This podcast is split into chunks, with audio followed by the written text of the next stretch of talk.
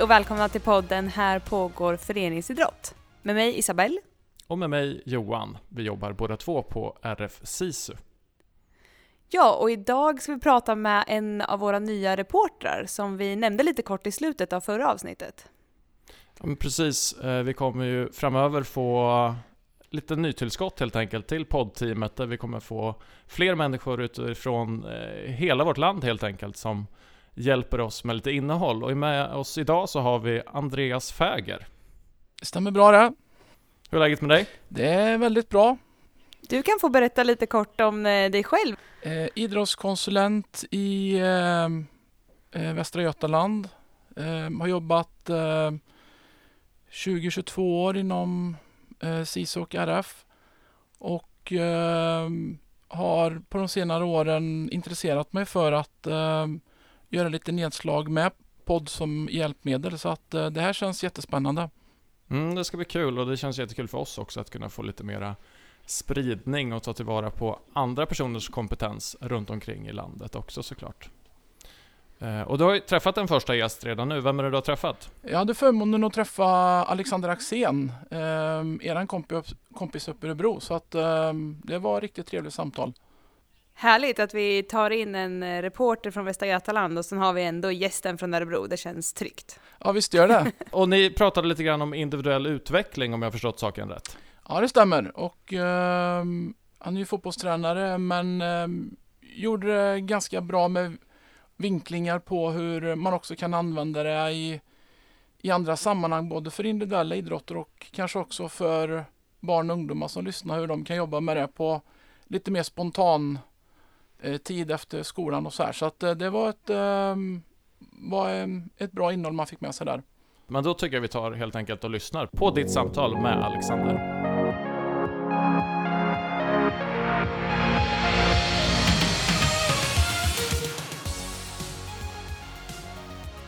Eh, jag är 49 år, ska fylla 50 år eh, i år. Det går fort tiden, det är på barn när man ser det. Har ju varit fotbollskille hela mitt liv egentligen, bara sysslat med fotboll och levt på det här och sen 96. Eh, varit tränare, spelarutvecklare och nu sista åren har jag jobbat på TV. Hur kom ditt idrottande fram? Eh, dåligt. Alltså jag är lat fotbollsspelare som alla är. Eh, så när jag slutade spela 96 så har jag, jag rör mig knappt ingenting om jag ska vara ärlig. Och har inget inre driv alls utan måste hela tiden ha lagidrott. Att om någon säger att nu gör, spelar vi lite fotboll eller nu spelar vi lite paddel. Då kanske, men jag har inget driv själv alls överhuvudtaget. Uppenbarligen så har det inte varit någon individuell idrott i unga år. Nej, jag, jag pallade inte där i mitt mentala bit. Däremot är jag ju tvärtom som tränare. Att det är väldigt viktigt med individuellt tänk. Och säger ju jaget före laget. Det betyder att om man har ett bra jag så kommer laget bli bra. Men som jag sagt, fotbollsspelare är väldigt lata av sig och tänker man bara laget då har man heller inget inre driv att utvecklas, vilket är tråkigt. Så det är många spelare som går en hel, en hel karriär igenom Eh, och blir framgångsrika också, men skulle kunna bli ännu mer om de bara hade förstått att de hade ett eget ansvar också. Var det några andra idrotter som du ändå har testat? Vi kommer komma in lite på mm, individuell utveckling så, men Ja men tennis eh, spelade jag mycket när jag var liten. Jag spelade inte någon, någon klubb för jag tyckte det var så tråkigt att slå, slå bäcken två timmar och sen få nästa dag två timmar. Så ville spela mer, men jag spelade otroligt mycket tennis.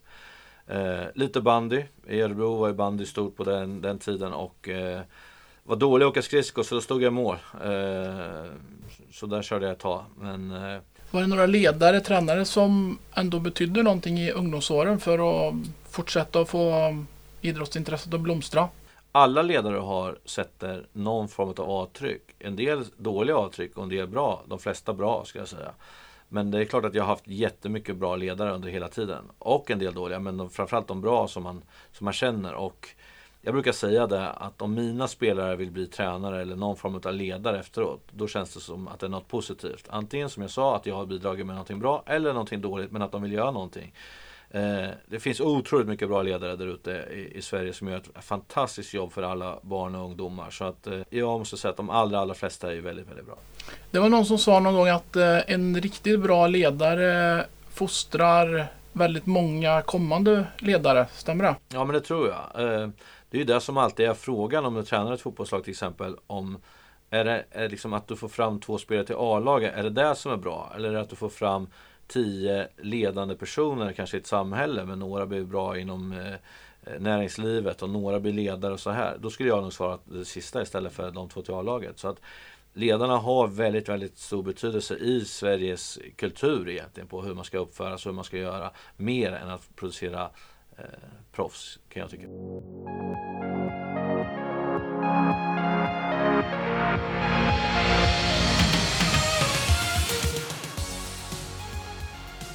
Eh, du har ju haft många olika roller, eh, men det vi tänkte gå in på lite är ju individuell utveckling som eh, du har fått väldigt mycket eh, cred och beröm för, både från spelare och många andra som har jobbat med dig. Eh, när, när kände du att det kanske var en, en ådra som du var väldigt bra på? Man ska komma ihåg att jag var inte Guds bästa barn när jag var liten. Och eh, eh det var också så att eh, alla tränare var GH då. Utbildade. Allt, allt var bra, rättvist och allt det där. Och det passade inte mig.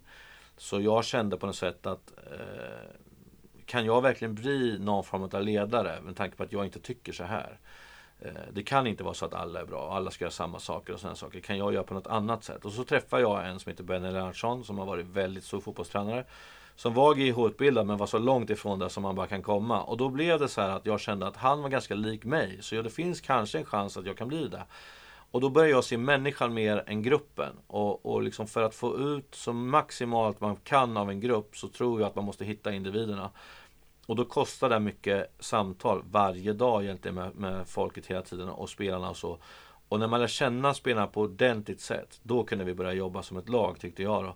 Så för mig har det alltid varit så att se individen först och, och liksom veta vad utgångsläget för den här individen är. För att om jag vill att vi ska göra så här och du vill inte det, då kommer jag ju aldrig få med dig. Utan min fråga måste vara, vad vill du göra? Och hur, och hur vill du göra? Och sen ska jag göra det så bra som möjligt. Och då kanske du ändrar din målsättning efter, efterhand. Men om jag börjar med att du ska hänga på mig, det kommer aldrig funka. Så, så där kände jag på något sätt att jag ska alltid se individen. Jag ska utgå från den hela tiden och jag ska vara väldigt rak och tydlig mot den hela tiden vad jag känner och tycker om saker. Och så ska vi utvecklas ihop. Så så, så börjar egentligen min nyfikenhet kring det individuella. Då. Du har liksom mött eh, individen där de är där och då för att ta dem vidare på något sätt. Ja, det finns ingen chans annars. Om, eh, om jag säger att idag ska vi börja med multiplikation på eh, hundratal och du sitter och bara, jag vet inte ens vad det är. Det spelar ingen roll hur mycket jag tjatar och du förstår inte. Men om jag säger, vart är du? Ja, jag tycker det är svårt med femmans tabell. Ja, då måste jag börja jobba i femmans tabell. Vad jag än tycker om det. Att du borde ha kommit längre, vad är det som händer? Det spelar ingen roll. Jag måste vara där du är, för det blir inte bättre av att jag börjar med något annat. Och det är där jag tänker att börja med vart individen är och därifrån. För sen helt plötsligt säger du att kan inte jag få prova det där med hundratal? Det verkar ju jättekul. Och så bara rasar det iväg. För att du fick en bra grundlig genomgång på ditt sätt från början. Och det är där jag tror är den stora skillnaden nu. Att man, man orkar inte lägga ner så mycket tid som man skulle behöva göra på individuella eh, inte på det individuella i lagidrotterna. Utan det är enklast att bara behandla alla lika och alla ska göra samma och så. Och de som inte gör det, då tycker man är konstiga och sticker ut och så försvinner de för att man röker bort dem. Istället för att verkligen ta hand om dem. För det är de, eh, där finns det otroligt mycket eh, och kapacitet att ta fram. Hur många av de spelarna som du har jobbat med tror du har kommit och valt den klubben du har tränat för att de har vetat om eller förstått att du står för det här? Eh, det går ju ett rykte i Sverige om att jag kan jobba med idioter, säger alla. Jag säger att det är inga idioter, det är genier. Men, men det är en hårfin eh, linje. Eh, de vinner matcher åt mig om jag får till det. Då är jag beredd att jobba jättehårt för att, att det ska bli bra. Och när jag får ett rykte också om att jag är som jag är och hur jag jobbar. Då har en tendens till att sådana typer av spelare kommer till mig. Vilket gör att eh, det blir lite lättare för att jag förstår dem och de vet att jag har gjort det förut och sådär. Så att det blir lättare att sätta gränser och det blir lättare att jobba utefter det. Så att eh, jag har inte, absolut inte lyckats med alla men väldigt bra eh, ändå utfall på de som folk tycker har varit svåra att jobba med. Det har jag inte tyckt att det har varit. Men som sagt, jag lyckas inte med alla. Eh, hur, när du jobbar när du jobbat med individuell eh, utveckling och hur, hur ser ungefär en, en vecka ut för någon spelare? Är det liksom, kör ni va, någon, något pass i veckan eller något i månaden eller hur? Ja, det, det är ju många tränare som säger att vi ska köra individuellt och så gör man det första veckan och sen har man inte tid. För att det handlar ju om att vinna eh, på den nivån jag har varit elittränare i fotboll. Då handlar det bara om att vinna och då har man massor med åtaganden och massor med saker att göra. Eh, det jag kände väl var väl så här att hur ska jag få till det här med individuell utveckling? Hur ska jag få spelarna att tycka att det är intressant? För att det handlar ju ändå om att de också ska göra det sen. Det kan inte bara vara att jag ska göra det åt dem. De vill gärna det. Om jag kunde springa åt dem så skulle de ju gärna vilja det. Men då tänker jag så här att jag börjar med att plocka ut en spelare som jag vill jobba med. Det kan, vi kan säga att det är en forward. Om jag i början när jag sa att du och jag ska göra efter träningen. Då, då var det alltså som en bestraffning. De andra spelarna fick gå in i omklädningsrummet. Regnade så var det definitivt en bestraffning. Alla skrattade åt dig och bara haha du får vara kvar. Typ. Och då kände jag på något sätt. Det ska ju fan inte vara en bestraffning att du får jobba med mig. Det ska kännas som att det är någonting bra ju. Men då tänkte jag om och gjorde så här att man gör en uppvärmning först och sen har man en, en, en övning som är på session där man har ett passningsspel kan man säga, ett spel. Där plockade jag ut dig och gick iväg och gjorde eh, avslut. Då vart alla jätteintresserade. Stod och tittade med långa halsar borta. Vad gör ni där borta? Vad gjorde ni? Och sådär. Och då vart det jätteintressant. Och då började du säga att vi jobbar med viss typ av avslut och vi gjorde de här sakerna. Och då vart alla väldigt intresserade av det. Sen jobbade jag med dig med det och berättade för dig vad du skulle jobba med, hur du kunde jobba med det själv och hur du kunde ta hjälp av folk för att det skulle bli bra. Och sen gjorde jag sådär att jag byggde ihop det där. Så när jag avbröt träningen efter ett tag så, så sa du att kan, kan du hjälpa mig med så den här passningen för jag ska göra så här? Och då sa den spelaren ja, för att det var det den hade tränat på. Och sen så sa du att sen ska jag slå en crossboll ut här nu. Om det är till mig, jag ska ju träna på att ta emot det. Och så hade jag satt ihop det, byggt ihop det till det individuella till ett lag ändå. Men att de tränar på de sakerna ihop. Och det gjorde i Gais 2011 att vi kom femma tror jag. Alltså vi, vi hade en otrolig utveckling på varje spelare. Fick ut absolut max av allihopa och hamnade då på femte plats. Medan då året efter, och det här är så typiskt fotbollsspelare också, då gick man rakt in. Och så sa jag, men vad händer nu? Så, men jag gör det imorgon, sa de då. Och då blev vi bara sämre och sämre. Så att spelare, framförallt fotbollsspelare, är lata. Så det gäller att äh, verkligen få dem att förstå hur viktigt det är. Och när de gör det så brukar det funka. Men det är väldigt lätt att man lägger av. Och kommer en ny tränare så gör man definitivt inte det. Utan säger inte tränaren att man ska göra individuellt och gör de inte det. Och det vill jag att man ska börja mycket tidigare med. Att förstå att man inte pratar om laget hela tiden när man är ung. Utan att man får också veta att det är ditt ansvar, din utveckling också. Det handlar inte bara om att vad du gör på träning. Utan det är med allting annat. Och det kan ju vara sömn och kost och förberedelser och kanske löpa själv om man har dålig kondition eller ännu mer skjuta mot en, mot en vägg och hålla på att ta emot för att du har lite sämre teknik. Det där måste du få på något sätt tips på hur man kan göra för att ta nästa steg. För att om du bara gör lagträningen, då kommer det inte bli så mycket bättre. Och det är lite som du var inne på förut, att det är också att se även människan då. Inte bara att det kommer en spelare som ska leverera på match, utan det är liksom en människa som du jobbar med. Ja, människan är ju ett. Sen kommer fotbollsspelaren, säger jag. Om jag inte känner människan, då kan inte jag eh, utveckla fotbollsspelare. Och det var det jag menade med som jag sa förut. Jag måste lära känna människan först. Och när jag gör det, då vet jag vad har du för... För att om du säger så här till mig. Jag har egentligen inga ambitioner mer än att jag vill gärna liksom spela här och sen inget mer med det. Då behöver ju inte jag hålla på och utmana dig hela tiden. Men ska vi köra extra? Ska vi göra så här? För det vill egentligen inte du. Men om du säger så här. Mitt mål är att jag skulle vilja spela utomlands. Proffs utomlands. Och jag känner att ja, men då, om vi gör så här, då kan, då, det liksom, då kan det bli jättebra. Och då kan man gå vidare. Där måste jag lära känna den här spelaren först. Och därför säger jag att det går inte att ha ett individuellt snack 15 minuter innan säsongen. Kanske något på sommaren och lite efter. Du måste hålla igång det där hela tiden. För det ändras hela tiden efter hur du mår också. En, en spelare som tappar form, det är nästan alltid att det har hänt någonting utanför planen. Alltså, för om du tränar någonting varje dag, då kan du inte bli sämre. Det är liksom för mig, det är omöjligt. Däremot så kan man tappa eh, saker på att det är dåligt med tjejen hemma. Det är, lägenheten trivs du inte i eller du har fått en, en agent som säger att du måste vidare nu eller du ska göra någonting. Yttre pressar och sådana här saker. Det gör att du tappar form och gör att du blir sämre. Eh, det är därför jag vill vara nära, för att då kanske jag kan samla upp det där mycket tidigare än att jag blir arg och skäller på dig varför det inte går bra eller petar dig så att du inte får spela för att du inte är tillräckligt bra nu. Om jag, ju närmare jag är, större chans. Det är inte alltid att det funkar, men det är större chans att jag samlar upp dig innan det hinner gå för långt.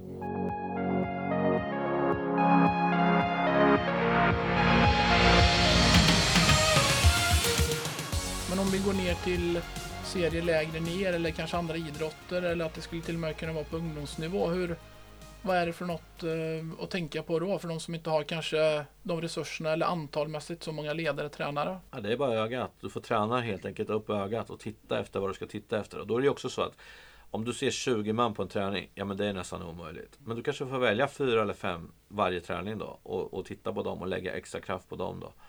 Eh, men framförallt igen då, det är ingen idé att du tar ut fem spelare som egentligen inte vill något speciellt. Utan du får titta på dem som verkligen vill då och se, blir det bättre eller inte? Eh, men det handlar om det tränade ögat. Eh, och det är jättesvårt. Vi är ungefär jämngamla. När vår generation jobbar med individuell utveckling och träning så var det ju spontan träning Ja. oftast. Ja. Den, den finns ju men den är ju väldigt, väldigt eh, mycket mindre idag. Känner man att liksom, kan den komma tillbaka? Kan den ersätta lite grann av eh, den individuella träningen? Ja, då, ska, då ska jag säga någonting som jag, det kanske svär i kyrkan nu, men jag säger att vi har fått så mycket duktiga tränare nu. Som är utbildade och som kan så mycket. Men det har har tagit död på det spontana. Därför att vi kommer dit, vi får våra västar, vi får allting kritat och klart och de berättar hela tiden, gör så här, tänk så här, här är fötterna, gör så här. All, allt beslutsfattande har vi tagit bort från alla barn idag. Så de, de kan inte gå ut och köra spontanfotboll för de vet inte hur man gör. De har fått allt serverat sedan de var jättesmå. Och i all den här viljan att vilja göra spelarna bättre som tränarna gör så förstör de jättemycket också av det. Istället för att man ibland bara kunde säga så här, gå ut och kör bara. Spela bara, skjut lite, gör vad ni vill, utvecklas. Liksom lek fram den här nyfikenheten. När du och jag och kanske två till åkte iväg till, till något mål på den tiden och vi vart bara fyra och det går inte att spela. Ja, då gjorde vi eh, guld, silver, brons eller rulla skjut eller allsvenskan eller sådana här lite fotbollsgrejer. Idag kan ju inga barn såna här saker för de har aldrig fått gjort det. Ehm, så antingen spelar man eller också spelar man inte. Och nu har vi inga västar, då kan vi inte spela. Men när du och jag spelade i skolan, då var det så här, var det nu han med Stenmarksmössan var med mig ja, förra rasten men inte nu. Och så, här. så inga beslutsfattande blir tagna och det gör att tyvärr att den spontana idrotten har försvunnit. Det är bara inrutat med massor med träning och att man förväntar sig att få eh, säga vad jag ska göra hela tiden. Istället för att ibland bara Alltså, man kan jättegärna träna fyra gånger i veckan när de är små unga barn och sådär. Men av de fyra, låt dem bara vara ibland. Alltså håll inte på och lär dem saker varje gång. Man tycker att man gör det bra men du, du tar bort all All den här spontaniteten och allt det här roliga försvinner av att man alltid ska försöka lära dem. Liksom. Och man gör det välvilja, så det är, inte, det är inte det jag menar, men att det blir fel. Idag liksom när barnen spelar Fifa och NHL och allt vad de om man kollar på idrott. Finns det någon, någon nytta av det rent när man kommer till träning och matchen? Ja, tyvärr så är det faktiskt så att eh, de som spelar Fifa mycket har mycket bättre speluppfattning. Det låter ju helt otroligt för mig, men jag har sett det. Jag har märkt det.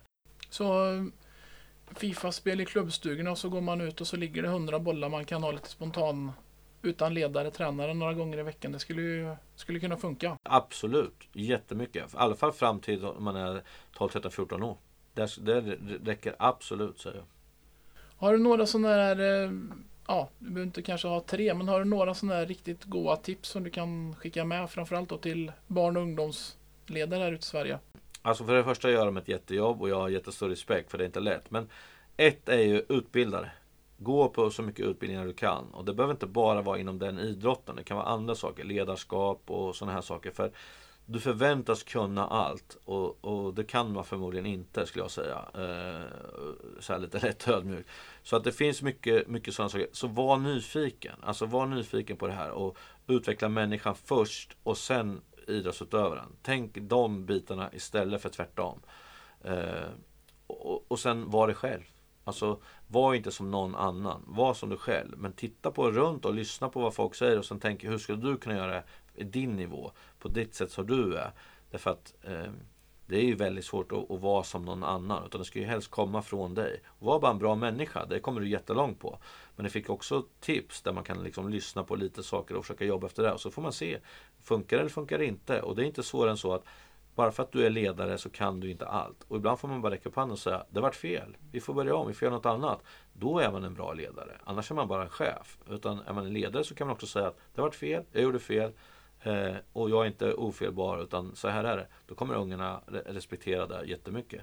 Istället för att man försöker skrika sig till att det var inte fel utan det var de som gjorde fel. Och hade ni gjort rätt så hade det blivit rätt. Och så här. Utan var ödmjuk i det där bara. Och, och, och liksom jobba hela tiden med att själv utvecklas, då kommer det bli hur bra som helst.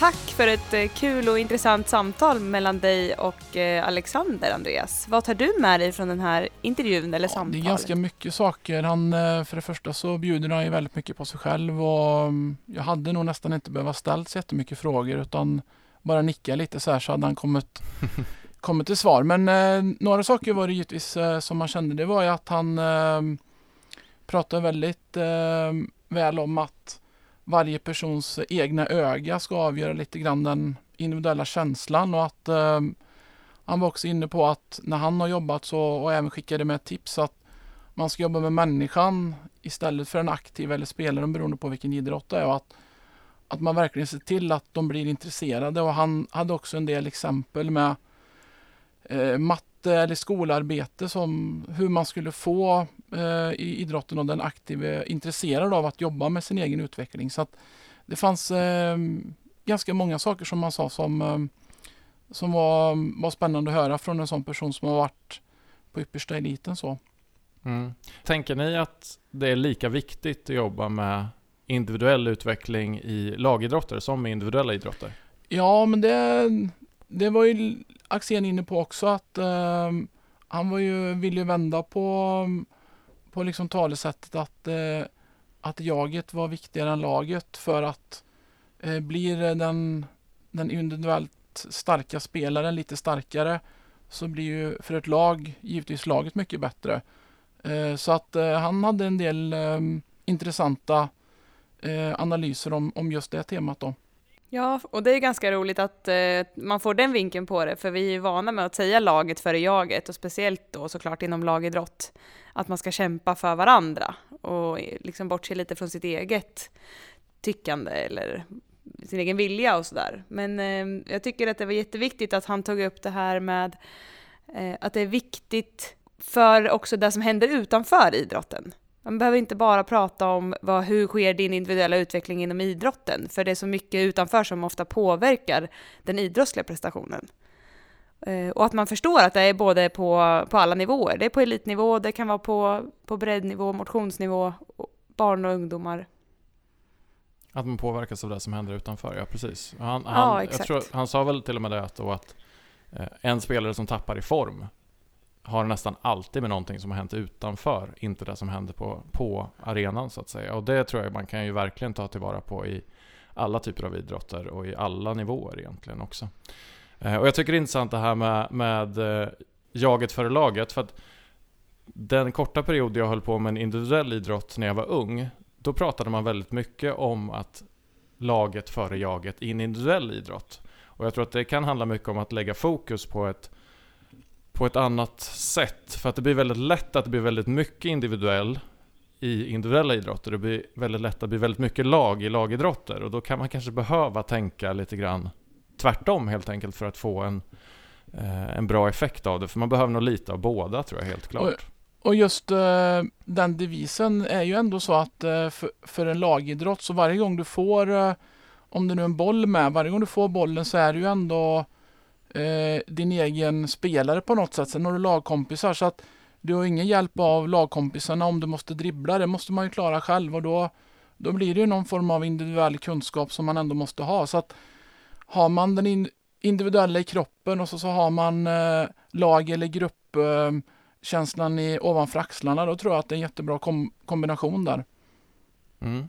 Tänker att vi avrundar det här avsnittet så här. Har du, tyckte du att det var kul att vara med här nu första gången i Här pågår föreningsidrott, Andreas? Det var jättespännande och framförallt är det ju kul att få vara ett större team som jobbar och eh, ja, vi kan utveckla det här på, på bästa sätt. Så att eh, det var en jättekul start med och framförallt att få intervjua Axén också här. Ja, och framöver så kommer ni lyssnare få bekanta er med även några andra reportrar som finns ifrån andra områden i Sverige.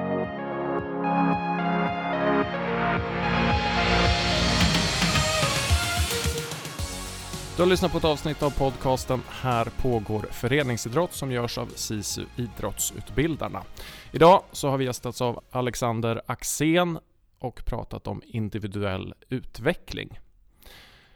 Vill ni komma i kontakt med oss som gör podden så gör ni det enklast via vårt Instagramkonto. Här pågår föreningsidrott i ett ord. Eller via vår mejladress podd rfsisu.se. Vi är tillbaka igen med ett nytt avsnitt nästa vecka. Hoppas vi hörs då.